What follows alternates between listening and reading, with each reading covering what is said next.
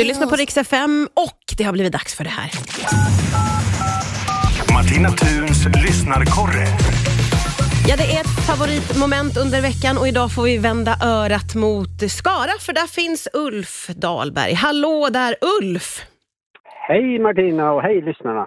Du, idag så vill du lyfta någonting om att eh, folk hejar oftare under vissa omständigheter. Vad handlar det här om för någonting?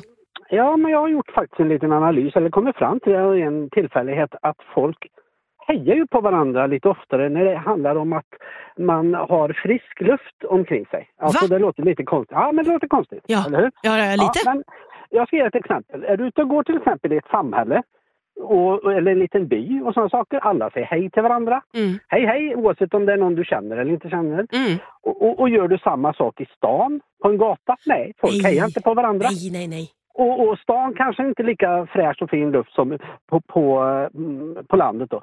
Och, och, och tänk dig tvärtom alltså. Missar du här på någon i byn ute och går eller i, i samhället, då tänker de gud vilken dryg människa. Ja.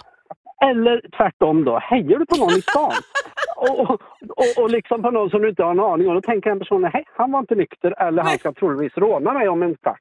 Liksom. Ja. Alltså det, ja, och, och det finns ju mer exempel. Liksom. Tänk dig på sjön. Alltså det, det, det kan ju folk heja på varandra på liksom sjömils håll. Liksom. Hej, hej, hej! Ja. Liksom.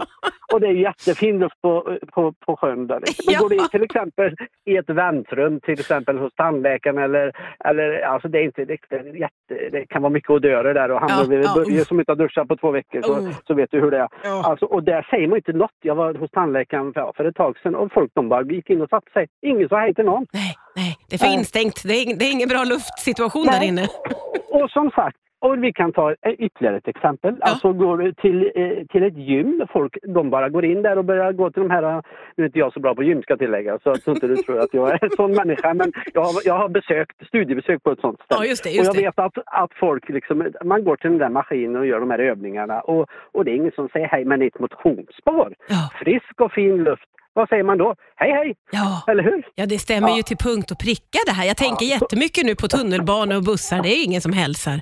Nej, och det är dålig luft, eller Ja, hur? ja, ja Så, visst, visst. så, så, så jag tror alltså att frisk luft påverkar människans sätt alltså att säga hej till varandra. Eller vad tror du? Jo, jag tror att du har helt rätt. Jag tror att du har lyckats knäcka koden. Det är ju oerhört att du har så mycket i den där hjärnan som får komma ut här.